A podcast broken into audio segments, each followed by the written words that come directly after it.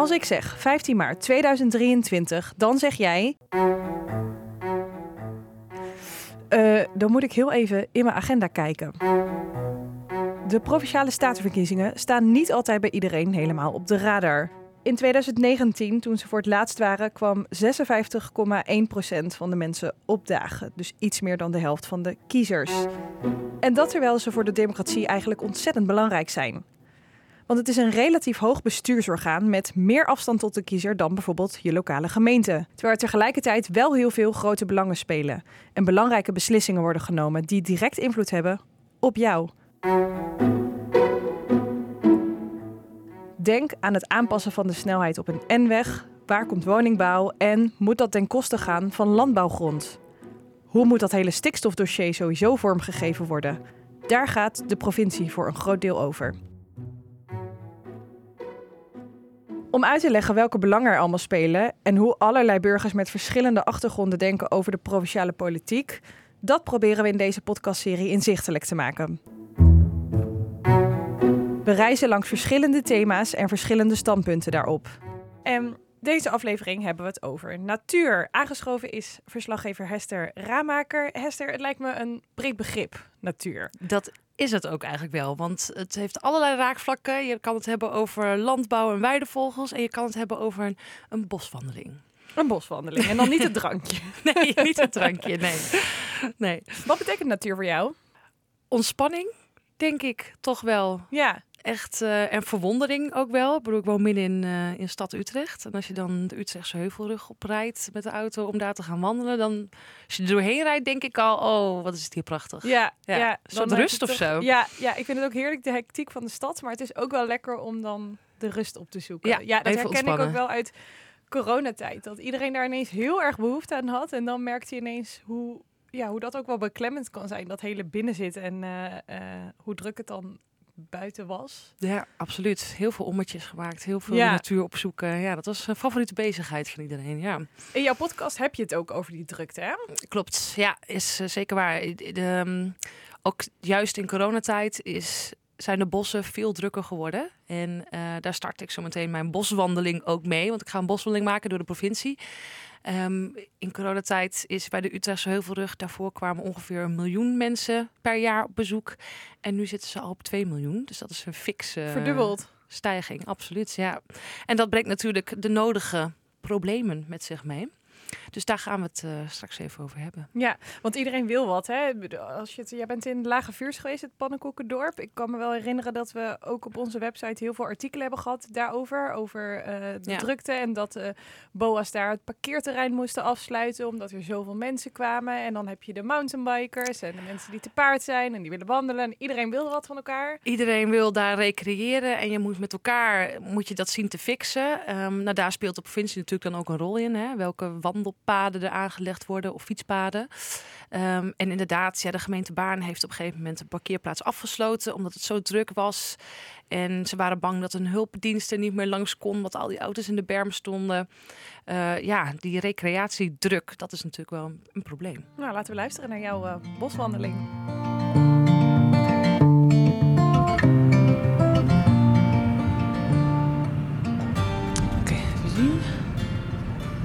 Buiten in de kuil.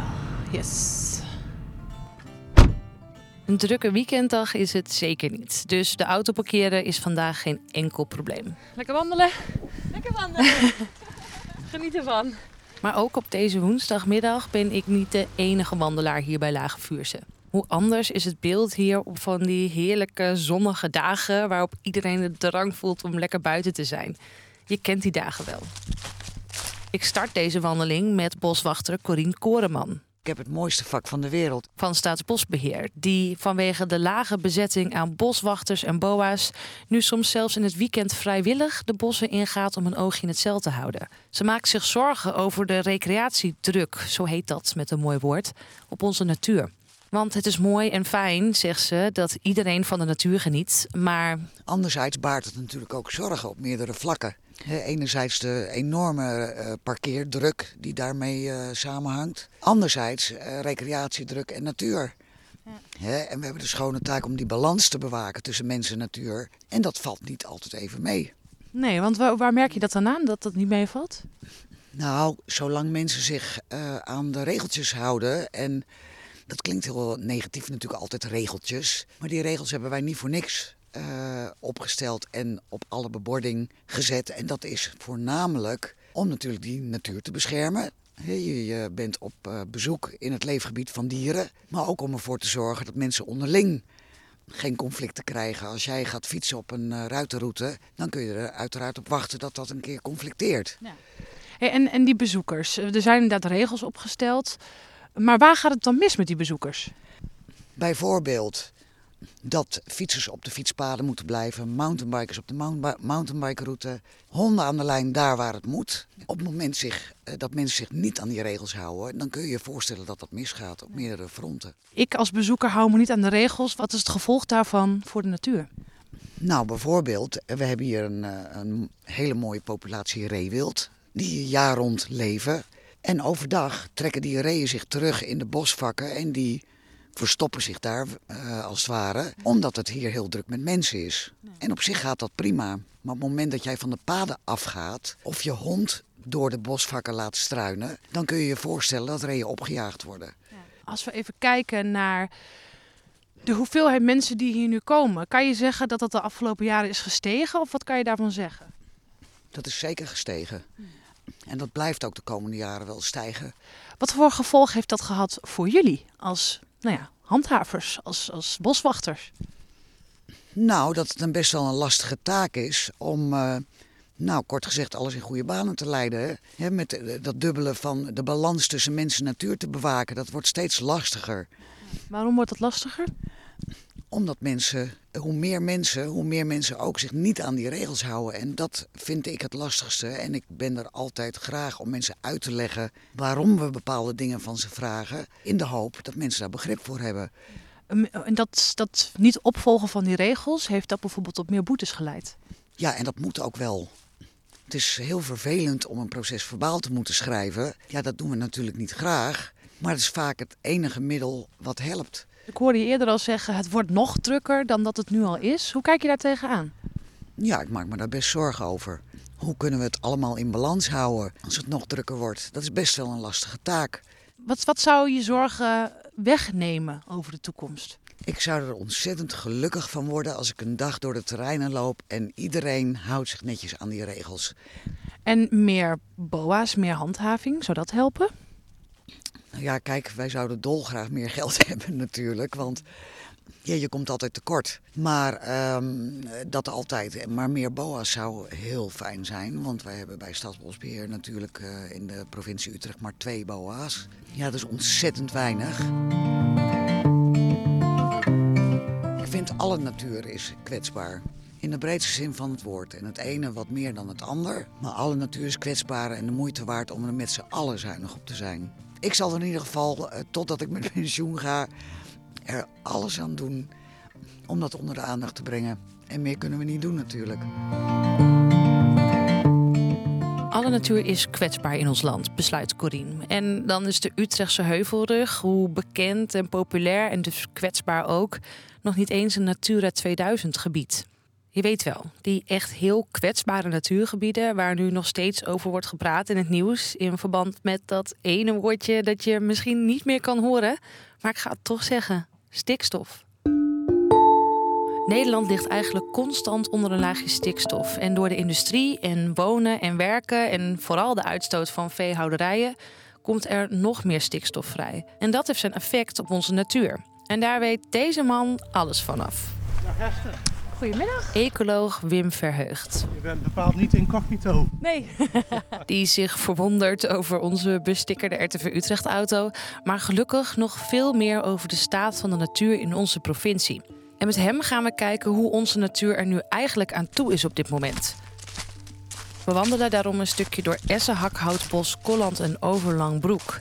Dat gebied ligt op steenworp afstand van de Utrechtse Heuvelrug en is een van de 10 Natura 2000 gebieden in onze regio. Wim schreef samen met een compagnon een rapport over de staat van dit gebied. En het eindoordeel is niet best. Nee, een dikke onvoldoende. Ja, een dikke onvoldoende. De provincie faalt als het gaat om het gedegen onderhouden van dit bos, vindt Wim. En er gaat van alles mis, vertelt hij. Dan begin ik met het water. En dan denk je van uh, water. Het is hier een. Ja, ik zie hier wel water in het beekje lopen. We zien wel wat water, maar eigenlijk is er sprake van structurele verdroging. Ja, het bos is voor dit type, specifieke type uh, bos, moet het eigenlijk altijd natte voeten hebben. Vandaar onze laarzen. Ja, ja. En mag het eigenlijk maar twee weken in het jaar droog staan. En hoeveel weken staat het nu droog? Nou, het staat eigenlijk sinds de aanwijzing in 2015. En eigenlijk al sinds de eerste plaatsing op de Europese lijst in 2004 structureel te droog. En die verdroging, uh, ja, dat heeft te maken met het feit dat dit toch wel een intensieve uh, landbouwgebied is. En dit stukje is misschien handig om even kort uit te leggen. Want wat heeft landbouw nou te maken met dit droge bos? Dat draait allemaal om de hoogte van het waterpeil. Misschien heb je er wel eens over gelezen. De landbouw wil het liefst een laag waterpeil, zodat de weilanden ja, wel iets nat zijn, maar niet te nat en drassig. Want anders is het onmogelijk om met hun landbouwvoertuigen het land te bewerken. Maar dit bos is juist gebaat bij een hoogwaterpeil, die natte voeten waar Wim het net over had. Daarmee voorkom je uitdroging. En waar herken je uitdroging dan aan, in dit type bos in elk geval? Aan de bramenstruiken. Die zie je natuurlijk wel eens als je door een bos loopt en dan pik je er een paar mee en dan smul je ervan en dan denk je lekker. Maar het is dus niet altijd een goed teken, want het gaat dan dus om mineralisatie. Wim legt uit wat dat betekent. Kijk, als jij uh, een, eh, een, een, potgrond hebt en je, doet er een plantje in, op een gegeven moment uh, doe je er wat extra mest bij. Die mest, mest aan zich, is goed, want dan groeit alles door. Maar als het te veel bemest wordt, dan krijg je dus dat, dat bepaalde soorten die er van nature niet in thuis horen, opeens ontzettend zich denken van hier kunnen we lekker gaan groeien. Ah, dus een heel mooi huisje gecreëerd voor planten die je eigenlijk misschien niet wil in dit bos. Ja, dat zijn dus deze exotische, niet-Nederlandse bramensoorten. Uh, er zijn plekken waar het drie meter hoog staat, waar je er ook niet doorheen komt. En die overwoekeren daarmee uh, het bestaande bostype. En dan is er nog dat tweede element dat het bos bedreigt, namelijk stikstof. Maar die stikstof die komt uh, vanuit de lucht, met name door de landbouw, uh, ook door het verkeer en door industrieën. En dan kun je natuurlijk heel moeilijk zeggen, hier in, in Overlangbroek komt het met name door, uh, de boer of, of, het komt door uh, Tata Steel. Maar het gaat om het gehele pakket. En als je kijkt naar dat gehele pakket, dan blijkt dat in Nederland 40% van de stikstofbelasting door de landbouw wordt veroorzaakt. Er zit een varkenshouder die in 2019 nog een vergunning heeft gekregen. En dan zou je kunnen zeggen, goh, provincie, geef je nou een vergunning af? Dat zijn dus eigenlijk wel aspecten waarvan je kunt zeggen, is daar goed over nagedacht? Of zit daar een beleid achter van, ja, we durven eigenlijk niet zo goed die landbouw aan te pakken. Ik kom heel vaak bij boeren op een erf. Het is niet zo van, oh hier staat een uh, wetenschapper en die heeft allemaal mooie beelden. Nederland is groot geworden dankzij de landbouw. Uh, we hoorden deze week nog hoe belangrijk die exportcijfers zijn, hè, 122 miljard euro. Daar kunnen we trots op zijn. We zijn de tweede exporteur uh, ter wereld. Maar tegelijkertijd heeft dat effecten en heeft dat een impact op, op jou en mijn gezondheid, de gezondheid van de boeren op de kwaliteit van het platteland. Ja, die, die landbouw is alleen maar uh, intensiever geworden. Is dat wat we nou willen? Onderaan de streep blijkt dat die stikstof een probleem oplevert voor de natuur. Er is een beleid van de EU waarin wordt gezegd... we willen eigenlijk naar 25% biologische landbouw in 2030. Nou, weer zo'n mooi streven, hè? maar 2030 dat is over een paar jaar. We zitten op 3,4% in Nederland... Daarmee zijn we wederom uh, het slechtste leerlingetje van de klas. Ik neem hier even een kleine pauze, want ik kan met Wim nog heel lang doorpraten over landbouw en natuur. Maar ik wil jullie even wijzen op een andere podcast die we maken voor de verkiezingen, namelijk die over de landbouw. Het is dus duidelijk dat natuur en landbouw innig met elkaar verweven zijn. De provincie koopt nu dus boeren uit die dicht bij Natura 2000 gebieden wonen en ze vragen boeren ook om biologisch te gaan werken. Waarin we volgens Wim dus nog de slechtste leerling van de klas zijn. Maar goed, je moet ergens beginnen. Mijn collega Ulrike Nagel ging voor haar podcast over landbouw langs bij een boer die biologisch werkt. Dus als je daar wat meer over wil horen, en dat kan ik natuurlijk van harte aanraden, luister dan naar haar podcast. En dan terug naar Wim, want we hebben geconcludeerd dat het bos te droog is, dus dat waterpeil moet omhoog en er is te veel landbouw in de buurt. En de provincie is wel bezig, maar het duurt allemaal zo lang en dat terwijl het bos al super kwetsbaar is en ja, er niet zo echt heel goed uitziet. Heeft hij vertrouwen in een goede afloop? Jawel hoor, ik denk dat inmiddels ook bij het dagelijks bestuur van het eh, waterschap uh, voldoende inzicht is van uh, hoe de status is. Er is bij de provincie heel veel overleg. Ja, er begint wel wat te schuiven. Het is wel alleen wel opvallend dat je als, uh, als burger zelf aan de bel moet trekken. Ja, dat, dat mag ook. Dat mag ook en uh, ja, het is niet anders zou ik zeggen. Ja.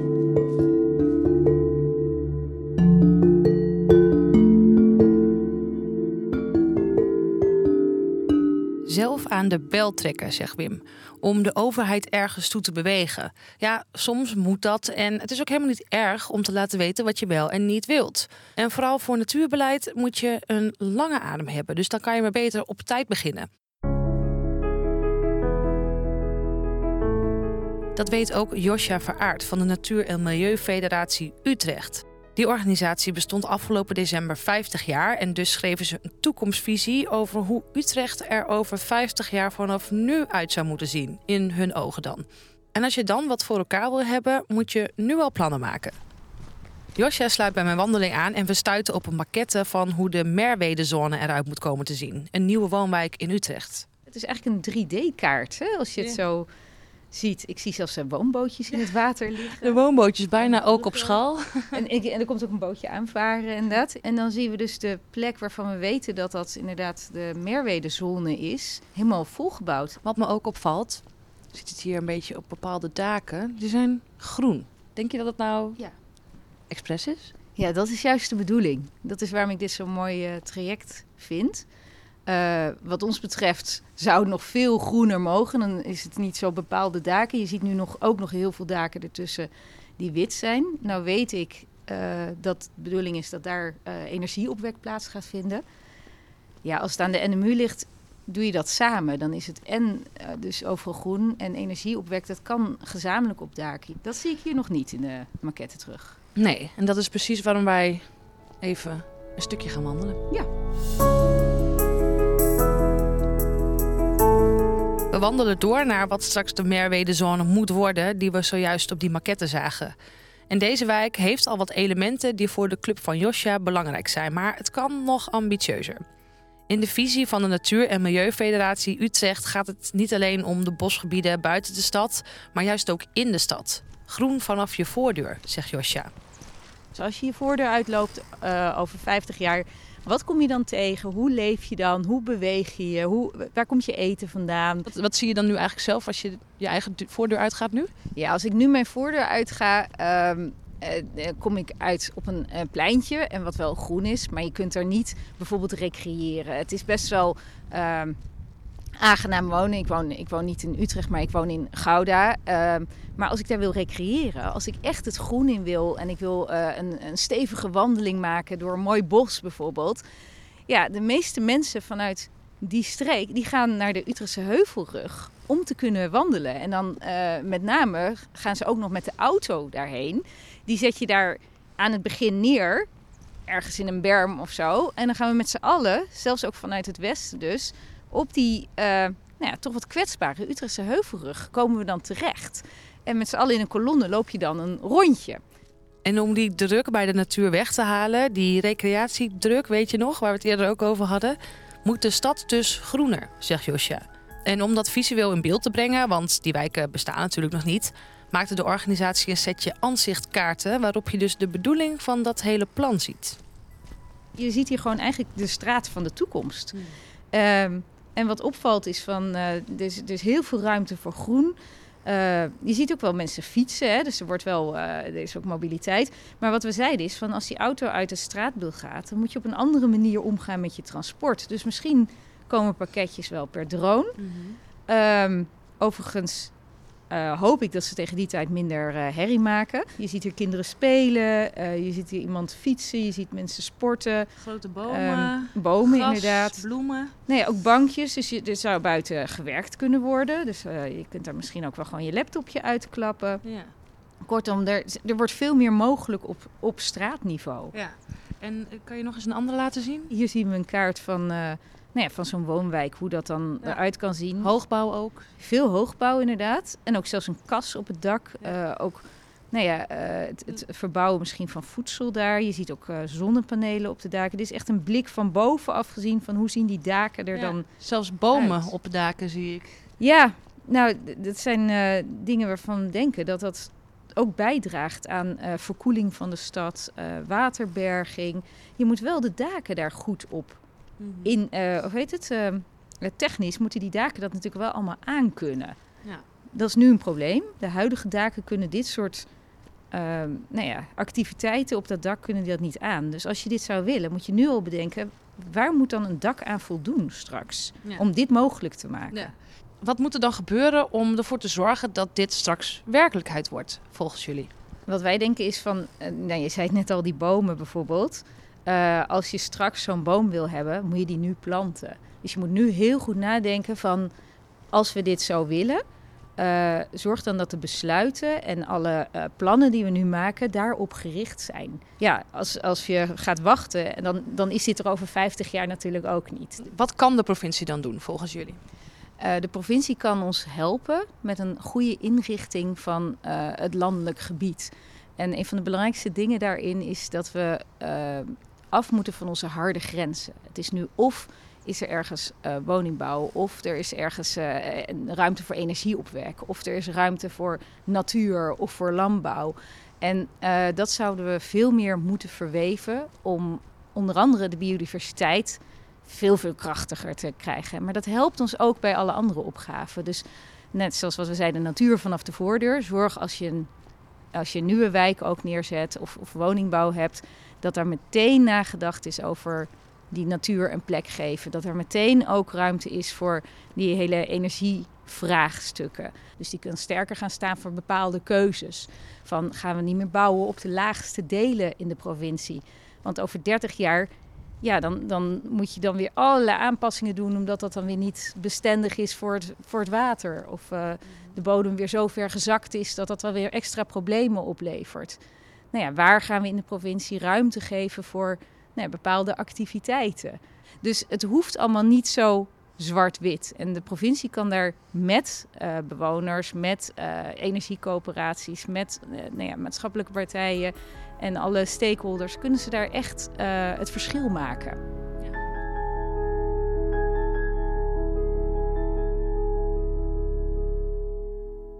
Oké, het klinkt best wel futuristisch wat Josja Veraard net zei over die uh, pakketjes bestellen per drone. Maar het is natuurlijk wel zo, de keuzes die je nu maakt over de natuur, die hebben invloed voor voor de toekomst binnenkort, maar ook voor de, voor de verdere toekomst. Daar moet je al, nu al over nadenken. Ja, absoluut. Daarom zijn ze daar nu ook al mee bezig. Hè? Om die beleidsregels, nou ja, eigenlijk om, om mensen een beetje wakker te maken van hé, hey, we moeten nu bepaalde keuzes maken, zoals Josje al zei je moet nu een boom planten als je over 50 jaar een grote boom wil hebben. Nou, dat is natuurlijk een heel mooie metafoor, want je hebt het ook over de natuur. Maar dit soort keuzes moet je nu al maken. En een mooi voorbeeld daarvan is Amelis Weert. Maar dan ehm, is misschien beroepsdeformatie. Maar moeten we überhaupt nog uitleggen wat daar speelt aan Weert? Uh, nou, ik kan het even kort doen natuurlijk. Want het is een eh, lang, lange kwestie. Het is een lange kwestie. Ja, precies. Het speelt al uh, van 40, 50 jaar terug. Er moest een snelweg komen en het bos Amelisweert moest daarvoor wijken. Of althans, die zou dwars door het bos heen gaan. En er moesten destijds 600, 700 bomen voor wijken. En dat daar waren mensen het niet mee eens. Want Amelisweert voelt een beetje als het bos van de, van de Utrechter, van, de stad, van de stadsbewoners dan in elk geval. Uh, en uiteindelijk is het resultaat geweest dat het niet door het bos ging, maar erlangs. Dus dat is een soort van winstpuntje natuurlijk. Dus dat maar scheelde bomen. Er werd ook het een en ander gekapt en er waren veel protesten tegen. Laten we heel veel daarnaar luisteren. Ja. Amelisweert, niet geasfalteerd. Amelisweert, niet geasfalteerd. Ja. Nou, en nu en nu? Is er eigenlijk weinig veranderd? Er is weinig veranderd. Er zijn, dus nu, 40 jaar later, is, dit, is deze snelweg, is dit bos weer onderwerp van gesprek. Namelijk de verbreding van de snelweg die 40 jaar geleden is neergelegd. Um, er staan files uh, op de weg naar Den Haag. En nu wordt er gezegd vanuit het Rijk, we moeten die snelweg verbreden, want ja, dit kan zo niet langer. En daar zijn mensen het natuurlijk dan weer niet mee eens. Dus nu wordt op datzelfde stukje wordt weer geprotesteerd. En dat is natuurlijk wel een tekenend voorbeeld van ja, 40 jaar geleden is zo'n keuze gemaakt. En die keuze heeft tot op, tot op de dag van vandaag nog steeds invloed op ons. Met ook nu weer felle tegenstanders. Laten we even naar eentje luisteren die jij hebt gesproken.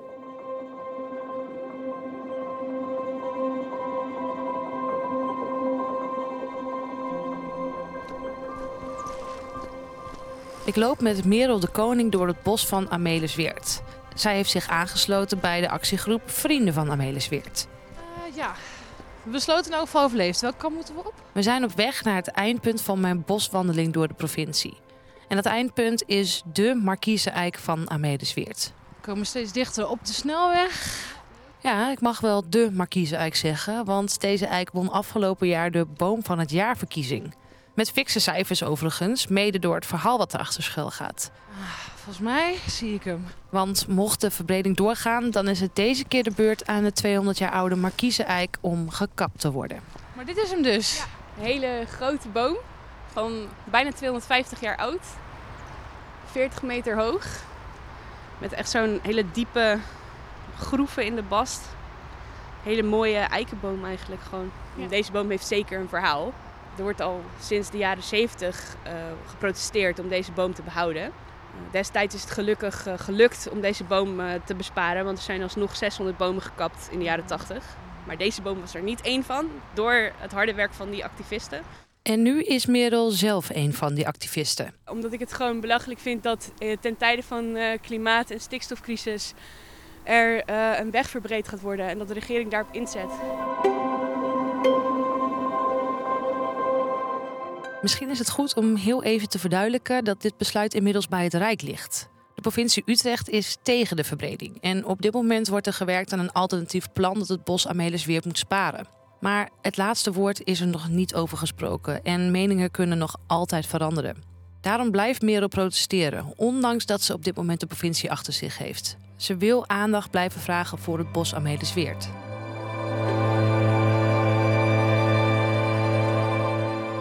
Als burger ben je nooit helemaal machteloos. Het is, heeft altijd zin om je stem te laten horen. En je kunt wel denken, ja, uh, ze gaan het bos toch wel kappen.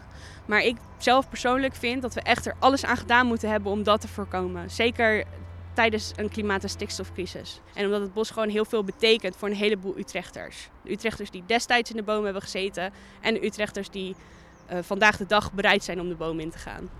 En ben jij een van die Utrechters? Uh, Jazeker, als in ik ga niet de boom in, want ik heb hoogtevrees. Maar um, ik ben wel bereid om uh, me aan een boom vast te ketenen. Je gaat door tot het bittere eind? Jazeker, ik ga door tot het graafmachines aan mijn voeten staan.